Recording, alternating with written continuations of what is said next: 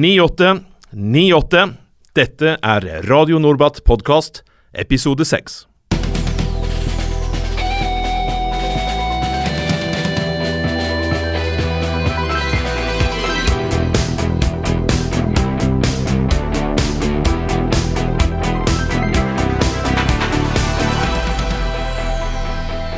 Dette er Radio Norbat podkast, langfredag spesial. Mitt navn er Roy Hovdan, hjertelig velkommen. Vi skulle selvfølgelig, siden dette er i påsken, hatt uh, selveste påskeharen på besøk her i studio. Det har vi prøvd å få til, men vi har ikke makta det. Men vi har en veldig god erstatning, og det er Siri Rosenbom de Fries. Velkommen. Takk. Jeg prøvde å kle meg ut, da. Ja. ja. Siri, det er du som styrer med eh, disse trekningene av konkurransevinnerne og, og slike ting. Hva, hva var spørsmålet forrige uke? Forrige uke var det, eller det, forrige lørdag, så var konkurransen hvem denne karen i studio var, og hvilket år han dro til Libanon. Det var ja. Dag Magne Lunde, ja. president i NVIO. Ja. Uh, han har vært i Libanon i 1989, blant annet. Ja. Og det har, er det veldig mange som har svart riktig på. Og så har vi trukket tre navn ut av uh, påskehatten. Astrid Løkke, Harald Hope og Roar Måsø. Akkurat. De får premie i posten? De får premie i posten. Hva får de, da? Da får de T-skjorte og caps. Unifil Veteran caps. Unifil Veteran. Og vi har, siden det er påske, så har vi en ekstra godbit, så de får et klistremerke hvor det står 'Have you hugged the Unifil Veteran lately?' Kan jeg også få en sånn? Ja, det ja. kan du få. ok. Og det kommer altså uh, ny konkurranse i, i morgen på selveste påskeaften. Ja på Facebook-siden. Facebook. Så følg med det. Av uh, innholdet i uh, denne episoden for øvrig, så skal vi nevne at vi skal møte Morten Berg, uh, som var geværmann i KPB i kontingent 6. og han var en av de som gikk på en mine og ødela foten sin i løpet av sin tjeneste i Libanon. Historien hans får du høre om noen strakser her på denne podkasten. Eller skal vi også til uh, Jerusalem og snakke med Nils Frode Vindenes, som uh, jobber som uh, militær assistent til general Kristin Lund. og han skal fortelle hvordan Unifil er i dag, kontra hvordan det var i den tiden han var Unifil-soldat, og den tiden Norge hadde folk der nede. Og så skal vi avslutte med noen muntre minner fra Ola K. Christensen, som har vært her i Radio Nordbatt-podden før. Og så blir det en del mimring, da. Bombesikkert.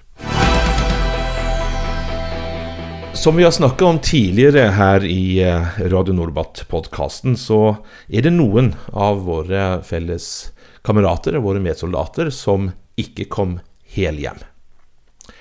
I studio i dag så har vi en av de. Morten Berg, velkommen. Takk. Du er en av eh, relativt få, heldigvis, som gikk på en mine i Sør-Libanon, og som måtte amputere foten under kneet. Ja, det stemmer. Hva var det som var foranledningen til at uh, dette her skjedde? Uh, jeg hadde frivakt.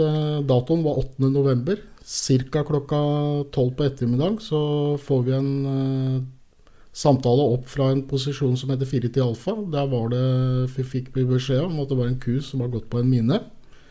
Så lagfører og nestlagfører og jeg gikk ned til posisjonen, og vi kommer ned på posisjonen, og der ser vi kua har fått sprengt av seg venstre bakbein, og at hun blør fra buken.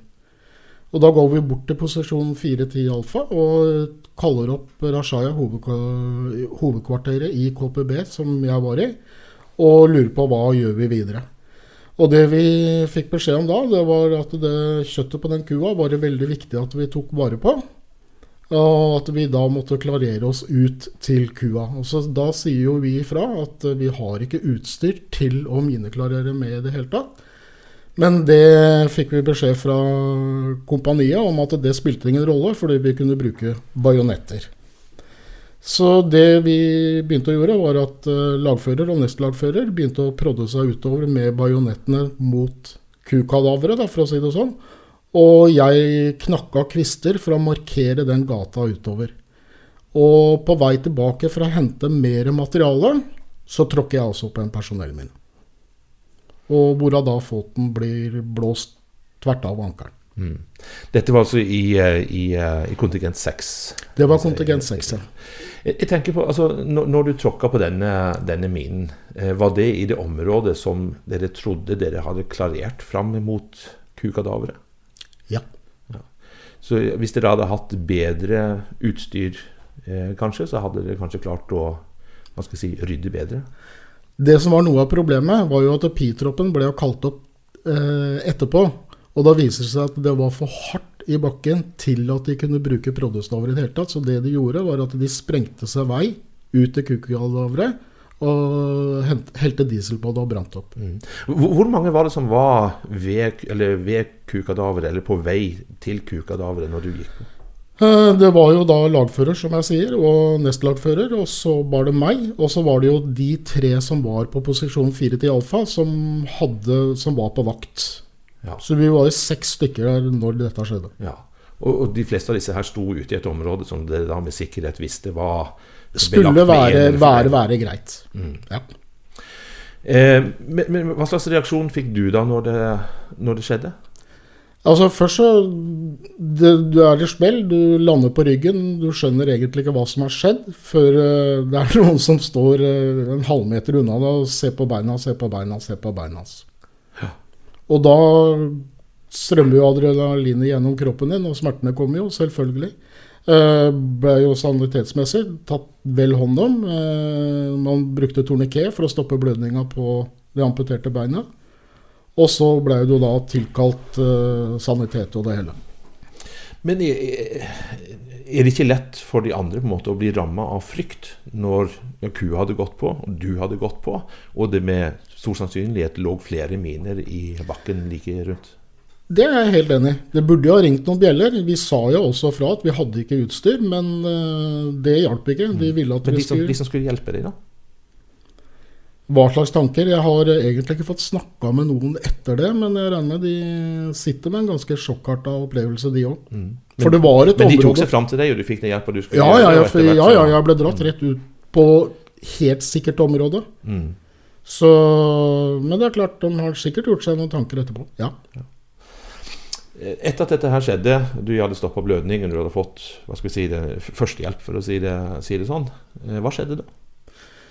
Eh, Blei jo da kjørt ned fra posisjon 410, fordi at det var jo helikoptre fra sykehuset Nakura som skulle hente meg. Og da, der var det jo et lite problem, for alt med helikoptertransport opp til Nordbart måtte jo klareres med major Haddad på forhånd. Hvis ikke så blei jo det skutt ned, det òg.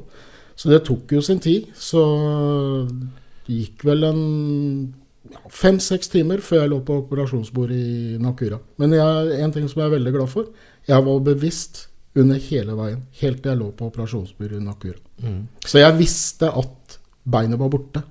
Ja, Du hadde forstått det allerede før du kom på, Ja. på feltsykehuset. Hvordan eh, var Nakura, og hvor lenge var du der? Eh, Jeg var i Nakura til sammen 14 dager før jeg reiste hjem, men eh, jeg var, vel oppe, jeg var jo oppe av sykesenga dagen etterpå. Eh, Andre dagen så begynte jeg med krykker.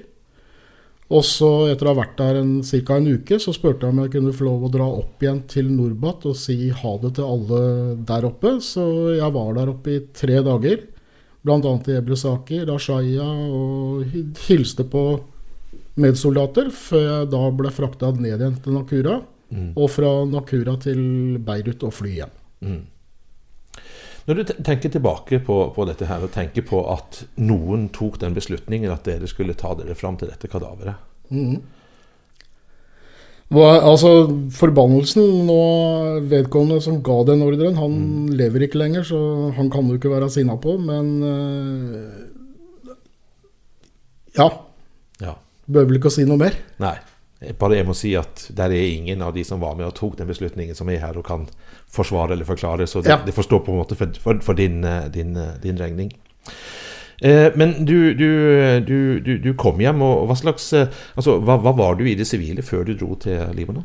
Eh, da eh, skulle jeg eh, Jeg drev veldig mye med idrett, så jeg hadde tenkt meg skulle søke meg inn på idrettshøyskolen, men det fikk jo en skudd, skudd for baugen så det holdt. Når det gjelder all oppfølging der nede, så var det meget bra. Men riset bak speilet er jo når du kommer hjem til Norge. Jeg landa på Gardermoen. Frakta hjem i taxi hjem til mor og far. Fikk en telefon 14 dager etterpå fra Onsrud leir, hvor jeg ble bedt om å dra opp og levere mine militære effekter, samtidig som jeg måtte skrive en taps- og skade skademelding på den marsjstøvelen og sokkelen som var blåst i filler. Siden så hørte vi ikke noe mer fra Forsvaret i det hele tatt. Morten, eh, du, du, har jo på en måte, sånn som vi forstår det, så har du opplevd både positive ting med din tjeneste i Libanon, ja. og definitivt eh, negative ting i og med at du mista det ene benet. Eh, nå når du eh, etter hvert har blitt en ganske voksen mann og fått, fått, noen år til å se tilbake på dette her, ja. Eh, hva, hva, hva, tenker du da? Var det verdt det for deg? Tjenesten var verdt det. Jeg hadde reist igjen. Uten tvil. Men da må, må, må, burde man ha lagd et annet mottaksapparat som det man hadde den gangen. For det var under enhver kritikk. Ser du noen signaler på at det har blitt bedre siden den gang? Det er vel blitt noe bedre, men jeg ser jo det at det er stadig vekk veteraner som slåss. Spesielt de som har psykiske skader. Slåss, må jo slåss mot SPK, klagenemnder i det hele tatt. Det så at det har blitt bedre, ja. Men det er ikke bra nok langt derifra. Der må det jobbes mye, mye, mye mer. Mm. Et litt uh, politisk spørsmål helt til, til, slutt. Eh, hva er din personlige holdning til miner som våpen? Det er et forferdelig våpen. Det er kun ment for å ødelegge. Det har jo ikke noe misjon utenom det. Og samtidig som det da under en, i en krig så binder det opp personell. Ellers er det da gjerne unger eller mødre som tråkker på dette faenskapet. Morten Berg, takk for at du kom.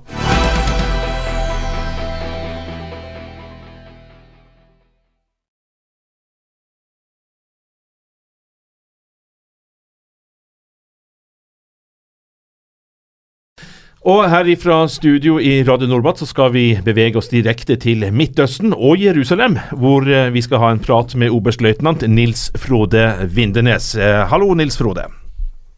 Hei. Hei. Du, du, er nå eh, militær assistent til eh, UNSO-sjefen, generalmajor Kristin Lund. Men dette er jo ikke første gang du er ute i tjeneste for FN? Nei, første gang jeg reiste ut med FN var jeg en guttunge på 20 år og dro til Libanon i 82. Så nå avslutter jeg på en måte sirkel eh, tilbake igjen i FN. Ja, etter et langt liv i det militære system. Eh, det kan du si. Nils Frode, eh, den gang du var i eh, Libanon, det var på begynnelsen av 80-tallet, hva, hva var det som gjorde at du dro dit? Det er et utrolig godt spørsmål for, til, til, en uh, trommis som ikke skulle i militæret fordi at uh, det gikk ut over trommekarrieren. Du skulle bli popstjerne? men jeg havnet i, løpet av førstegangstjenesten så stortrives jeg sånn at jeg søkte meg til Libanon. Ja. Og Direkte etter førstegangstjenesten så fikk jeg napp, sånn at jeg reiste ned da, altså i kontingent 9 i 1982 i en geværtropp to uker før invasjonen i juni 1982. Det, det, det, og der, uh, møtte, der møtte jo uh, deg og noen andre, sånn at jeg fikk praktisere trommingen selv om jeg da ble soldat. Ja, men popstjerne ble du ikke? nei. nei. Men du valgte altså å gå en, en militær, karriere etter dette her. og Hvor mange internasjonale kontingenter er det du har under beltet nå? Det kommer an på hvordan vi regner. Jeg er inne i mitt sjette år nå sammen. Så når jeg kommer hjem herfra, så har jeg vært nesten seks år til sammen i, i internasjonale operasjoner. Derav halvparten av de i FN og halvparten nå i uh, Nato. Hvor mange av de FN-operasjonene har vært i Libanon, da? Hvilke kontingenter har det vært? Det var fire kontingenter i Libanon på, på 80-tallet. I kontingent 9, 11, 17 og 18. Mm. Og nå da først i Observer Group Lebanon som sjef, før da generalen ønsket å ha en, en med erfaring fra regionen inn som sin militærassistent. Mm. Og hun da tiltrådte i, i, november. Det som er spennende med deg, Nils Frode, er at du har fulgt den utviklingen altså fra 1982 og, og fram til i dag. Hvis du skal karakterisere forskjellene på det som var den gang da, og det Univil som er i dag, hva vil du peke på da? Oh, det, det, er en rekke ting. Når vi kom ned, og så det forskjellige perspektiver vi ser dette fra. Eh, fra, som eh, visekorporal i en geværtropp eh, låst til en bestemt del av Teigen, til nå jeg kan på en måte ha litt mer sånn fugleperspektiv. Og har drevet og samarbeidet med Unifil-ledelsen. Så det er klart at når, vi, når, jeg kom ned sist, så etter to uker så ble jo vi okkupert av Israel. Det var jo en helt spesiell en, rolle vi fikk da innenfor et okkupert område. Sånn er det jo ikke i dag. Men vi ser helt klart at den militære utviklingen har, har gått veldig fort. For de styrkene som er der i dag, det er 10 500 mann i Unifil i dag, de er jo både godt trent og godt utrustet. Mandatet ble jo endret underveis. Det mandatet vi hadde på 80-tallet er annerledes enn det mandatet som er i dag. Hizbollah ble jo en konsekvens av av krigen i 82 og fremover så ble jo Hizbollah dannet. kan man si. De er jo en faktor, en veldig vesentlig faktor i Sør-Libanon i dag. Eh, det har også vært en stor krig imellom, altså i 2006.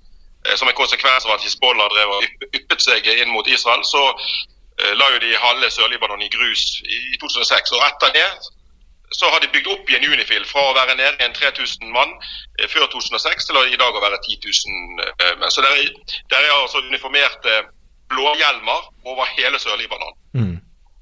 Det, det, som jeg tenker på, det er jo at selve navnet, altså Unifil, United Nations Interim Forces in Lebanon, eh, det, det ligger jo i navnet at dette her skulle være midlertidig. Det hadde gått 40 år, og det begynner vel å få karakter av å være ganske permanent? Ja, men hvis vi ser det i et litt annet perspektiv. Eh, de var på vei til å, å eh, ikke å trekke ut, men å downsize betraktelig. Sånn at i 2006, når de da var nede i altså ned mot 2000-3000 mann.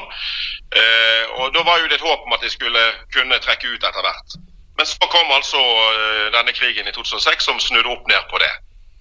Eh, jeg personlig vil jo tro at eh, det hadde gått helt fint i Libanon uten Unifil. Eh, men samtidig så er det en risiko å ta, og det er en buffer i forhold til partene som gjør at de, det skal mer til før de eh, holdt på å si, går til krig mot hverandre. Rent sånn politisk så er det ønskelig å ha styrker der, men rent sånn militært så vet jeg ikke om, eh, om det nødvendigvis eh, er verdt pengene. Det er på min egen konto, da, for å si sånn. Ja. Eh, du har jo nettopp vært i Libanon, vet jeg, på, på besøk der. og eh, Hvordan var det i det tidligere ansvarsområdet for Norbat? Jo, jeg var jo ni måneder i Libanon som sjef for observatørstyrken til UNSO før jeg dro til, til Jerusalem. Uh, hele Sør-Libanon er bygd opp igjen etter krigen i 2006. Det er no, bare Ebelesaki som vi uh, hadde hovedkvarter i, uh, på 80-tallet, er jo utbygd. Kjenner nesten ikke igjen i, i, gatene og i byen. Enorm utvikling, masse forretningsvirksomhet. Hizbollah har selvfølgelig veldig god kontroll over både på skoler og helsevesen osv. Og, så og det er jo en konsekvens av at Libanon aldri på en måte tok uh, Syd, Al-Janub, på alvor. Mm. Uh, det er enormt positiv stemning. Folk er redd for at det skal komme krig, for de liker den, uh, det livet de har i dag. Det er mer spredt ikke lenger sånne, så, så, mange landsbyer som har en miksa befolkning. Det er blitt mer fortettet, så skier for seg og kristne for seg. Men det er fremdeles noen landsbyer som har begge deler. Mm. Og noen av de stedene så er det litt sånn småkonflikter. Men eh, det, det, er et område med enorm utvikling. Nils Rode, det er 20 år siden de siste norske soldatene forlot eh, området. Er alle spor etter FN-Ola borte? Nei. Eh, FN-Ola lever i beste velgående i området Ebelesaki og Rashaya og Hebari, alle disse byene. På, på, på, hvilken måte da? Eh, kommer, du som, kommer, du som, norsk der, så blir du tatt imot med åpne armer. Og, og mange snakker fremdeles norsk. Nils Rode, jeg skulle avslutte her med Du, du klarte jo ikke helt å svare på hvorfor du dro dit, men kanskje du klarer på det siste spørsmålet her. Og det er, Hva er det du husker best fra din periode i uh, Unifil? Åh, det er et godt spørsmål. Det er klart at uh, invasjonsdagene sitter i husker jeg godt og har kunnet dra med meg erfaringer derfra gjennom hele karrieren min. Uh, Newsaki Swingers var jo en eh, høydere, selvfølgelig. Og våre turer til Israel og spille på Hoffbar var bare episk og ubetalelig, selvfølgelig. Men det grunnlaget mitt som soldat, det å kunne gjøre det godt på både befalsskoler og andre ting senere, det uh, la jeg altså gjennom de kontingentene i, i, i Sør-Libanon.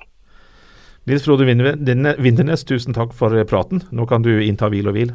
Veldig hyggelig at dere ville snakke med en gammel mann. Jeg håper at uh, veldig mange veteraner finner veien til, uh, til uh, Akershus den 20. april, hvor jeg har tenkt å ødelegge trommesettet på scenen bare i ren iver etter å tilfredsstille 3000 elleville veteraner.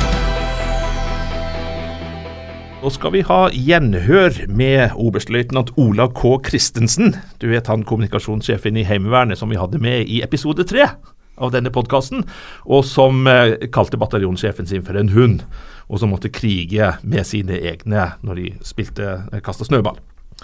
Eh, Ola K., velkommen i, i studio. Takk for det. Denne K-en, hva står den for? Ketil. Ketil. Av en eller annen grunn så skulle man ha et mellomnavn i gamle dager. Ja. Ola eh, Ola K. Christensen, du var nede som veteran FN-soldat i eh, 16, 17, 18 og 19. Altså eh, fra midten av 80-tallet og litt, eh, litt utover. På, på, den tiden du var der, så begynte det å bli rutine for Norge å sende 1500 eh, unge jenter og, og, gutter og befal til Libanon hvert år. Hvordan var standingen for FN-styrken og FN-Ola i det sivile samfunnet her hjemme, slik du oppfatter det? Nå arrangerte jo bl.a. Eh, Forsvaret årlig presseturer for eh, norske journalister for å gi det norske folk en eh, best mulig eh, kall det situasjonsrapport om mm. hva gjør norske kvinner og menn i Midtøsten generelt og Libanon spesielt. Men av og til så var det jo enkelte synsere da i norske redaksjoner hjemme som uh, uttalte seg egentlig uten noe som helst kunnskap. Vi hadde jo diverse oppslag om norske FN-soldater omtalt som grisedyre solkrigere. Vi hadde sågar et par norske politikere som omtalte FN-tjenesten i Libanon som vaktmestertjeneste.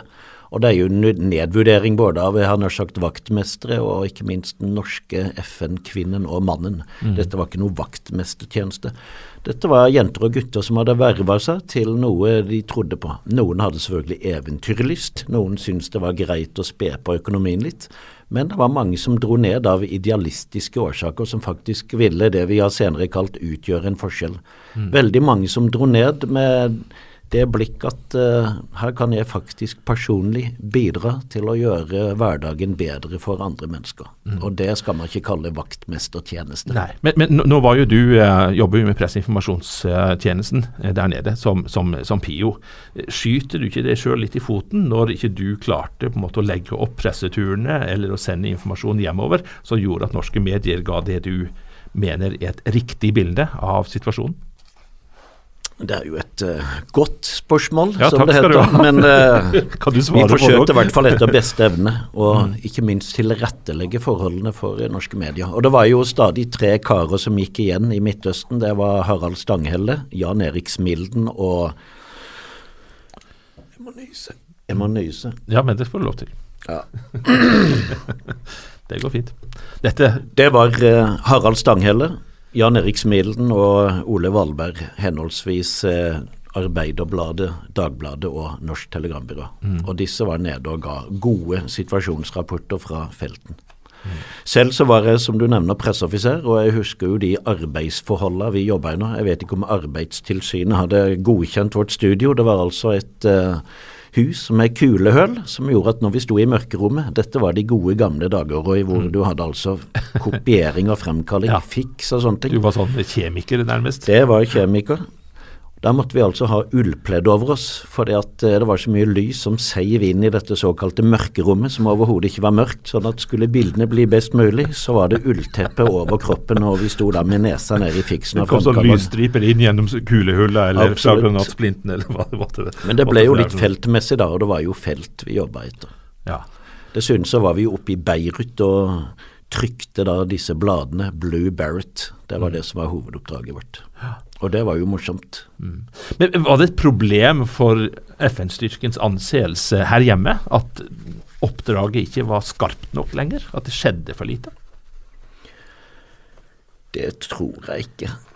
For uh, dette var som sagt kvinner og menn som uh, løste oppdraget sitt der nede på en uh, utmerket måte. Og det har jo også denne Unifil-undersøkelsen fortalt, at de fleste fant tjenesten i Unifil særdeles meningsfull. Mm.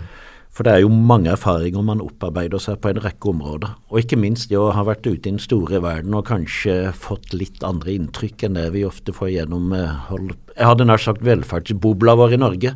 Det kan jo være et bra korrektiv, om en kan kalle det det. Mm. Beirut-ekspressen, husker du den? Det var vel i ellevetida på formiddagene når uh, F-16 kampfly fra det israelske flyvåpen brøt lydmuren over uh, Norbat-teigen. Ja. Nå skal jeg ikke bare si Norbat-teigen her, for uh, det var jo også andre avdelinger i Libanon. Ikke minst det norske verkstedkompaniet i Tibnin, Normeint Koi, gjorde en fantastisk jobb. De hadde jo rekord i å reparere kjøretøyer og gjøre det på en skikkelig måte. Dette var fagfolk. Litt sånn Heimevernet det også. Ja. Livserfaring, yrkeserfaring, sunt uh, folkevett. Og så Hvis man ser eh, på kartet, så lå de omtrent midt i, eh, midt i eh, hele FNs ansvarsområde, hvor alle hadde like lang og like, like kort vei til det veldig sentrale Det var Midtøstens avdelingen. viktigste verksted. Ja, det tror jeg, eh, det tror jeg Og så hadde vi opprinnelig også den norske helikoptervingen Norair, Ja. som også gjorde en fantastisk innsats. Dette var eh, luftens engler, som Mm. enkelte kalte dem. Og vi mista jo dessverre en maskin. Fire nordmenn omkom. Mm. De fløy omtrent i all slags vær, og med all slags vær tenker jeg også da på kuleregn. Mm. Uh, uansett, de kom av og til flyende opp ned over åskammene, men uh, de var ute og redda liv. De satte seg omtrent ned i minefelt, hovra over, ut og evakuere mennesker, få dem til feltsykehuset. De gjorde en fantastisk jobb. Fint du nevner det, for de, de, var jo, eh, de var jo bare med de første par eh, kontingentene og sånt, og det begynner å bli så lenge siden at mange på en måte ikke tar de med i beregninga, men eh, de er definitivt med. Og Vi hadde jo også et, eh, en medisinsk eh, kompani. Eh, Nordmedkoi var jo også en, som også enhet. var med til, til å begynne med, og som gjorde en Og her utvikla man jo et godt konsept for medisinsk evakuering Mm. med helikopter. Et konsept som man også brukte på Balkan Unprofor Mm. på 90-tallet. Avslutningsvis, Ola K. Christensen. Eh, Radio Norbat, hvilket, hvilket forhold hadde du til, til den eh, i Midtøsten? Jeg var jo innom av og til som både nyhetsoppleser og programavvikler, ikke minst eh, Ønskekonserten på søndager, hvor vi inviterte folk inn i studio som eh, både kunne velge seg noen egne skiver, men også da sende hilsener til personellet ute i Au. Det kom jo brev hjemmefra med plateønsker og hilsen til den enkelte Unifil-kvinne og mann. Det, det var jo tradisjon for at iallfall én gang i året så eh, auksjonerte man bort Altså man samla inn penger til et, eh, et godt, eh, godt formål, som vel ofte var lokalt i, i Libanon. Og, og ja, det, det kunne være at man skulle få lov å sprenge ei plate man ikke likte, eller man kunne få noen til å ri baklengs på esel. Det var en god gammeldags auksjon hvor man Ja. la inn penger i potten. Eksempelvis var det en kar som bøy 50 dollar for å være bataljonssjef og oberst for en dag. Det var billig. Det var billig. I hvert fall så var han da bataljonssjef for en dag. Det Ja. vil si at uh, bataljonssjefen hadde da tatt på seg vanlig arbeidsuniform uten distinksjoner, og så Ja. satt denne 50-dollarskaren i baksetet med oberstdistinksjoner og ble kjørt rundt i ansvarsområdet. Nå hører det med til historien at denne ungdommen syntes det var så morsomt å være bataljonssjef for en dag at dagen etterpå troppa han faktisk opp på bataljonssjefskontoret og ville fortsette den tjenesten, men Ja. da var det over. Disse 50 dollarene hadde tatt slutt. han hadde ikke 50 dollar til, da. Så kunne Og så var det, som du også sa, Roy, eh, flere som betalte for å sprenge plater. Ja, Frolandsvingen, Frolandsvingen har jeg sett det på sosiale medier, at den ja. har gjort et sterkt inntrykk på mange. Og svenske svingelåter. Ja. Bug, bug, bugge. Absolutt. Så det var også noe av Radio Norbat-tjenesten. Ola K. Kristinsen, takk for at du kom tilbake til oss i Radio Norbat. Selv takk. Radio Norbat podkast blir brakt til deg av NVIO. Hvis du vil vite mer om organisasjonen, eller kanskje melde deg inn, så gå inn på nettsiden nvio.no. Og så ber vi alle om å huske på at det er en, eh, ikke bare én, det er 30 forskjellige flotte medaljeseremonier rundt omkring i Norge som eh, arrangeres 6. april, altså på fredag. Og da skal nesten 3000 veteraner få tildelt sin eh, medalje, eller sin utgave, av Forsvarets medalje for internasjonale operasjoner. Møt gjerne opp, enten for å få medaljen, eller bare for å skape en hyggelig ramme rundt seremoniene i hele landet. Neste fredag så eh, blir det jente- eller kvinnespesial her på Radio Norbat. Da skal vi snakke med flere av jentene som tjenestegjorde i flere av kontingentene, og høre hvordan de minnes og ser tilbake igjen på sin tjeneste der nede. Har du noen spørsmål, kommentarer, synspunkter, forslag, bruk Facebook-siden vår, Radio Norbat, og skriv noen ord inn til oss da. Og så blir det jo også i neste sending en hel del mimring. Det er bombesikkert. Så da høres vi neste fredag. Nå kan du innta hvil og.